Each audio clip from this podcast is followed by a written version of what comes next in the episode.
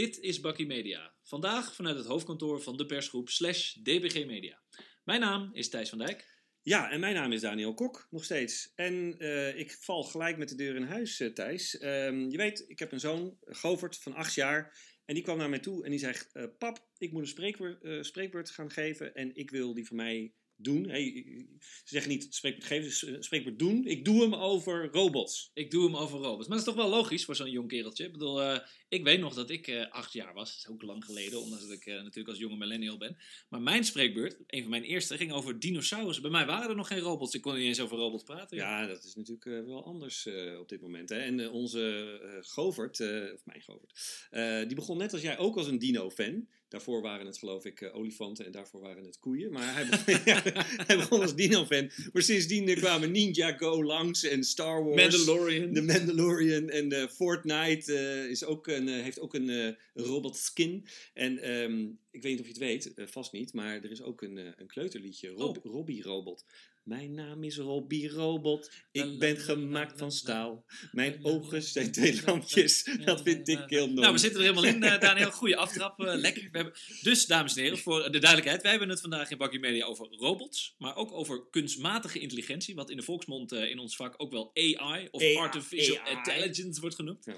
Fantastische afkorting, aflevering natuurlijk. En nog wat andere termen om lekker de, de bullshit bingo verder te, verder te gaan. Machine learning hyperpersonalisatie. Nou Daniel, volgens mij ben jij hier ook wel dol op, hè, deze afkorting. Ah, absoluut, absoluut. En uh, hè, om al die dingen te behandelen moeten we natuurlijk hartstikke snel doen. Het wordt een beetje een ADHD-robot uh, aflevering. Een, een, Tesla Speed Insane Mode robot. Maar het kan natuurlijk ook zijn, dames en heren, dat het vandaag 20 minuten wordt. Ehm, zoals jullie wellicht van ons gewend zijn, wij praten graag. Anyway, om bij robots stil te gaan staan. Die spreken enorm tot de verbeelding. Niet alleen bij jouw zoontje Govert, maar ook bij mij. Maar waarom is dat nou eigenlijk, Daniel? Waarom spreken robots tot de verbeelding? Nou, zou het niet gewoon te maken hebben met de, de, de, de, de creatie van leven, het scheppen van leven, weet je? Of, uh, God wist dat het goed was. Nou ja, voortplanting, weet je Het recreëren van, uh, nou ja, humanoid super creatures, weet je wel? Uh, Frankenstein hebben we natuurlijk gehad, we hebben Iron Man gehad. Ach ja, daar ben ik ook fan van. Die heeft dan zo'n soort nucleaire kern in zijn Hij is wel dood, dat is wel jammer. Oh, sorry, spoiler alert. Hij is oh. wel dood gegaan in, in Endgame van Avengers. Dus oh. ja, het is wel heel zielig. Nou ja, maar goed, dit soort dingen vinden wij natuurlijk wel heel erg interessant als het gaat over het scheppen van leven. Maar eigenlijk, als ik jou zo goed begrijp, gaat het dus indirect ook weer over seks. Nou ja, soort van wel. als je leven, leven creëert, maar technische seks. Um, nou ja, en als je het hebt over zelffunctionerende, nadenkende levensvormen, dan gaat het eigenlijk beyond seks. Dan wordt het uh, bijna godlike. Dan hebben we, dan zijn, ah, ja. Dat doet me wel denken aan een uh, legendarisch interview wat, uh, um, van Stephen Fry, wat ging over artificial intelligence. Kijk dit vooral ook terug in de show notes, mocht je het niet gezien hebben. Stephen Fry maakt namelijk een, een hele duidelijke parallel met de Griekse mythologie. Wat natuurlijk ook heel erg interessant is, maar ietsje terug in de tijd, iets meer geschiedenis. Zoals wij namelijk machines scheppen nu met zelfdenkend vermogen, kunstmatige intelligentie, zo schiep Prometheus de mens. De cruciale vraag in dit verhaal is of Prometheus de mens het vuur moest geven. Het innerlijke vuur van zelfbewustzijn, creativiteit. En die vraag is natuurlijk anno 2019 best wel opportun, die moeten we gaan beantwoorden. Willen wij als mensen onze computers, chatbots, robots menselijke vermogens gaan ja, geven, Daniel. Dit verhaal van Stephen Fry is echt te gek. Dus ik kan echt iedereen aanbevelen om dat even te kijken. Um, nou ja, weet je, in, in dit verhaal, in, het, in de Griekse mythe, wordt uh, Prometheus, hè, zoals ik hem noem, ja, Prometheus. Ja, ik Prometheus, ben van het uh, English, English, English. Very, very well. Um, die wordt keihard gestraft, omdat hij het vuur dus uiteindelijk gestolen heeft. En Zeus die is daar heel boos over en die laat door een grote adelaar zijn, uh, zijn, zijn lever uitpikken. Maar elke dag, toch? elke ja. dag, inderdaad. Maar um, waarom is, dit zo'n, is het zo'n belangrijk punt dan? Dat, nou ja. dat menselijk uh, karakter geven aan een machine. Het is natuurlijk wel een grens waar nu heel erg over gesproken wordt. Hè? Het is een beetje de, de, ethiek van het robot zijn. En in het kader van ons Bakkie Media praten we dus over robotisering, het zelflerend vermogen en hoe die met name van invloed kunnen zijn op media marketing. Maar uh, er is dus die downside. Kijk, persoonlijk vind ik robots en artificial intelligence best wel een, een eng gegeven. Kijk bijvoorbeeld naar films als Terminator Judgment Day. Hè? Skynet is coming. Het, voelt toch een beetje... je hebt mensen die clowns ja. heel eng vinden. Je hebt mensen die ja, robots... kun je ook nog kijken. ja. mensen die, die robots heel eng vinden. En um, nou ja, goed, als we, als we het dan daarover hebben, over die angst. Uh, ik las een, uh, een quote die jou wel, denk ik, aanspreekt. En dat was, wanneer je een computer vraagt om de planeet te redden, zal hij bepalen dat de mens uiteindelijk de grootste bedreiging voor vormt voor de aarde. Oh, is dit van iemand zo'n klimaatactivist? Greta Thunberg? Nee. nou ja, een beetje wel. Nee, nee, eh. volgens mij, ik, ik, eh, ik, ik, weet, ik weet wat die van is. Het is van die film op Netflix, I Am Mother. is best trouwens Ja, een, dat- eh, ook wel een goede film om te kijken. Er zijn heel veel goede ja. films meer op Netflix tegenwoordig. Ehm, maar eh, die quote, die, die refereert een beetje aan mijn angst. Hè? Kijk, want strikt genomen hebben slimme computers eh, straks de mensen eigenlijk niet meer nodig. In, in ieder geval niet als de machine het mag bepalen, toch? Nee, nee, nee. Maar ja, weet je, dit is dus natuurlijk iets wat meer mensen hebben. Sterker nog, hele intelligente, slimme mensen hebben dit ook al gezegd. Hè? Ik bedoel, Elon Musk eh, heeft het erover gehad. Ik, eh, ik geloof dat Bill Gates hier ook over gepraat heeft. Stephen Hawking, weer een Steven. Absoluut, Stephen Hawking, eh, dat is dan die, die wereldberoemde kosmoloog, natuurkundige, die volgens mij vorig jaar is overleden. Ehm, die waarschuwde dus, dus tegen de gevaren van, van AI. En hij zei, dat, eh, eh, hij zei zelfs dat dit fenomeen de mens kon uitroeien uiteindelijk. En eh, voor de duidelijkheid, het ging hier dan vooral over ehm, wapen, hè, de wapenwetloop. En dat op een bepaald moment zelfdenkende systemen, of bijvoorbeeld zelfdenkende wapens, gaan, zelf gaan bepalen of er oorlog komt of dat er mensen worden geliquideerd. Eh, je hebt een heel ehm, indringend filmpje, het staat ook in de show notes, dus ga dat zien, waarbij een zwerm van drones uiteindelijk coördinerend eh, ehm, nou ja, aanvalt. En, eh, Een soort moderne birds van Alfred Hitchcock, maar dan is het nu drones anno 2020. ja, precies. Anyway, ehm, allemaal waar wat je zegt. Hè? Er, zijn natuurlijk genoeg bezorgde ogen hierop gericht. Maar voor mij ligt het gevaar ook wel wat dichter bij huis bij onszelf. Hè? Ik ben vooral bezorgd over ontwikkelingen bij, eh, bij Google of bij Facebook. Hè? De privacygevaren waarover gesproken wordt. En vooral als ik dan kijk naar bijvoorbeeld zo'n invloed wat zo'n Cambridge Analytics had op de Amerikaanse verkiezingen en, en de Brexit. Eigenlijk wat ook naar voren komt in de documentaire The Great Hack op, op Netflix. Maar aan de andere kant ook de gevaren van zelfsturende auto's. Ik bedoel, als het regent of mistig is, dan eh, weten ze niet precies waar ze naartoe moeten. Dus er is ook nog wel een hele grote slag te maken als het gaat om regelgeving en, en eh, ja, verbeteringen daarin, toch? Ik vind het wel grappig dat die gevaren dus kennelijk ook van alle tijden zijn. Want ik ben eens even gaan kijken waar komt die term robot vandaan. Misschien hebben meer mensen dat wel eens gedaan. En de eerste keer dat die term ooit gebruikt werd was door een Tsjechische toneelschrijver met de naam Karel Čapek. Heet hij volgens mij, een C met zo'n kringeltje eronder. En hij gebruikte in 1921 eh, voor het eerst die term. En het woord is afgeleid van het Tsjechische woord robota. En wat eh, gedwongen arbeid betekent, slavernij, eh, zeg maar. En in dat toneelstuk, en daar komt hij, doen robots, eh, fabrie- die doen fabriekswerk wat de mensen niet willen doen. En op een gegeven moment hebben die robots daar tabak van. En wat doen ze? Ze komen in opstand en ze maken alle mensen dood. Zo zie je maar weer. Ja, dames en heren, in 100 jaar is er niks veranderd. De bedenker van de term robot dacht ook al in doemscenario's. Best wel typerend, lekker cliché, toch? Ja, nou ja, goed. Ik bedoel, hè, het- is ook inderdaad wel een beetje naar geestige start van dit hele fenomeen. Maar laten we eens even kijken naar media marketing. Hè? Want daar zitten we toch een beetje met Bakkie Media zitten we daarvoor. Als ik een beetje zo online ga lezen en een beetje rond ga kijken, filmpjes ga kijken, dan lijkt het net alsof dat AI, dat kunstmatige intelligentie, all around is en heel erg onmisbaar is. Is dat eigenlijk wel zo op dit Ja, moment? nou ja, eh? weet je, ik vind eigenlijk van niet. Weet je, ik, ik vind het weer een beetje een gevalletje eh, interessant doenerij. Hè? Wat nu vaak een beetje als AI of artificial intelligence wordt versleten, is in mijn optiek gewoon slimme targeting of gewoon eh, goede CRM. Hè? Je gaat goed om met je klantdata. Ik vind er nog weinig eh, AI aan. Ehm, voor mij staan we pas aan het begin van het machine learning tijdperk en het artificial intelligence tijdperk.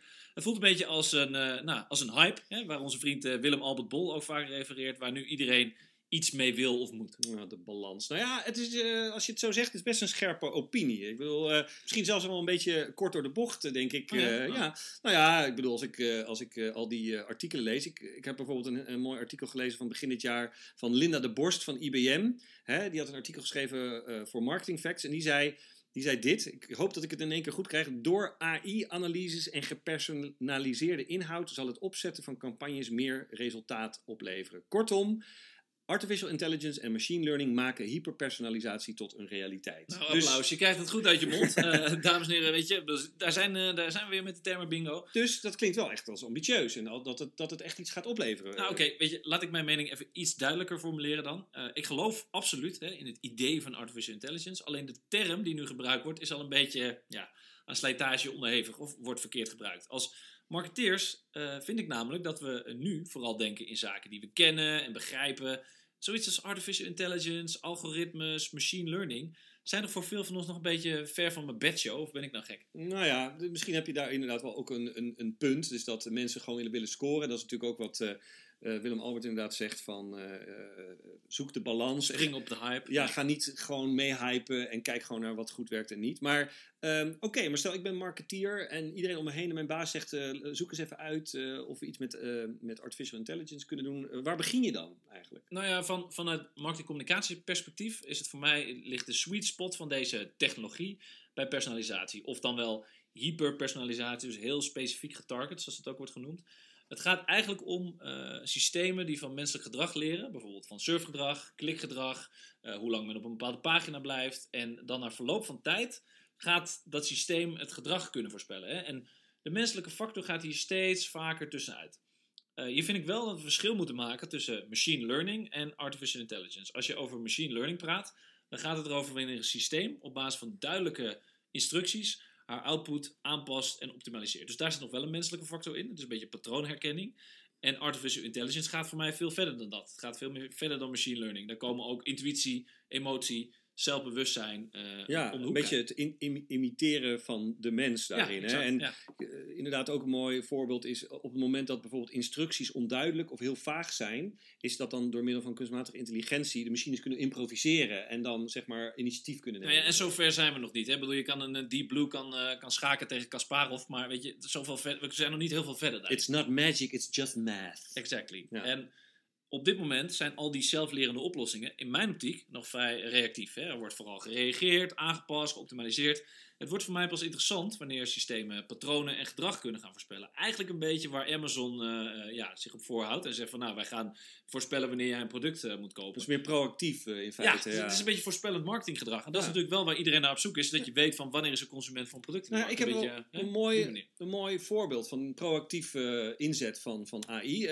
en nou ja, gek genoeg toch ook weer van de big socials. Van Facebook, die heeft een ehm, eh, artificial intelligence oplossing in hun systeem. En die scant ehm, zorgwekkende berichten van eh, nou ja, mensen die bijvoorbeeld dreigen om, eh, om zelfmoord eh, te Oké, gaan ja, plegen. dat is wel interessant. Dus een Ja. soort zelfmoordpreventiesysteem hebben die. Ehm, dus proactief wordt dat dus gescand en dan wordt er automatisch ehm, een alert geplaatst bij hulpdiensten.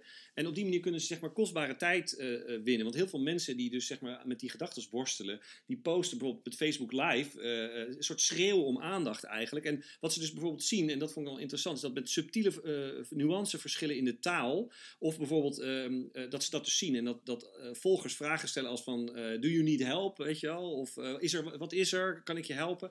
En is dat voldoende voor die AI om dit soort berichten prioriteit te geven boven andere bullshit, eh, zeg maar, alerts? Ehm, en, maar ja, op zich wel goed om te melden, dit is dus in Amerika en in Europa mag dit Nee, dus zeker niet. weer vanwege GDPR of privacy. Nee, dus, dus ja, eh, dat is eigenlijk best wel, nou ja, wel, ook wel interessant dat ja, op een of andere manier daar dus een soort van grens ligt. Ja, Hoe kijk jij daar tegenaan? ingrijpende voorbeelden. Kijk, het, het, ver- het verrassende is dat dit een goed voorbeeld is. Hè? Dat, eh, dat Facebook eigenlijk iets doet aan eh, zelfmoordpreventie. Maar aan de andere kant was natuurlijk ook een aantal weken geleden het feit dat de Google Home meeluistert met jouw gesprekken.